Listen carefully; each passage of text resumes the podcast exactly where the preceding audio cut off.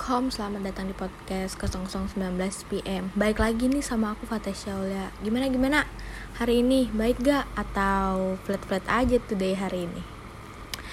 Tahun ini banyak hal-hal yang menarik ya Sampai aku bikin podcast lagi Sebelum pandemi, dunia sudah terbelah antara negara-negara yang kaya dengan negara yang miskin. Globalisasi telah menciptakan banyak institut untuk memastikan mobilitas orang, barang, dan jasa serta promosi perdagangan bebas.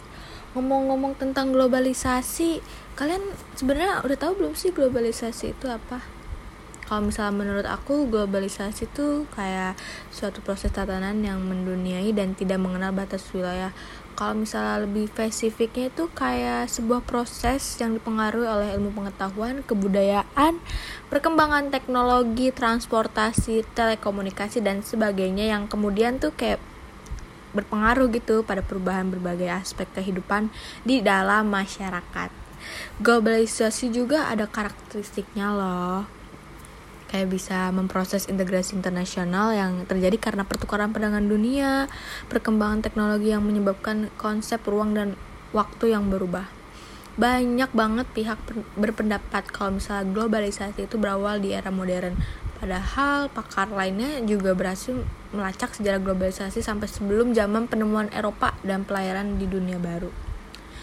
Eits, jangan salah, globalisasi juga mengubah pola kehidupan masyarakat loh. Salah satunya menuntun masyarakat jadi mengenal banyak budaya dari negara-negara di luar.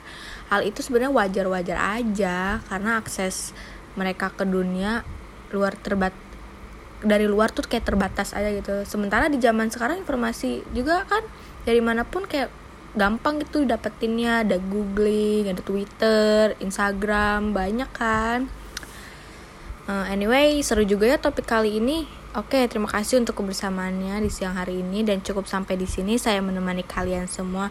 Semoga besok kita tuh bakalan berjumpa lagi di podcast-podcast yang lebih menarik dan lebih seru ya dan di jam yang sama. Saya Fatah Syaulia pamit undur diri dan have a nice day. Makasih.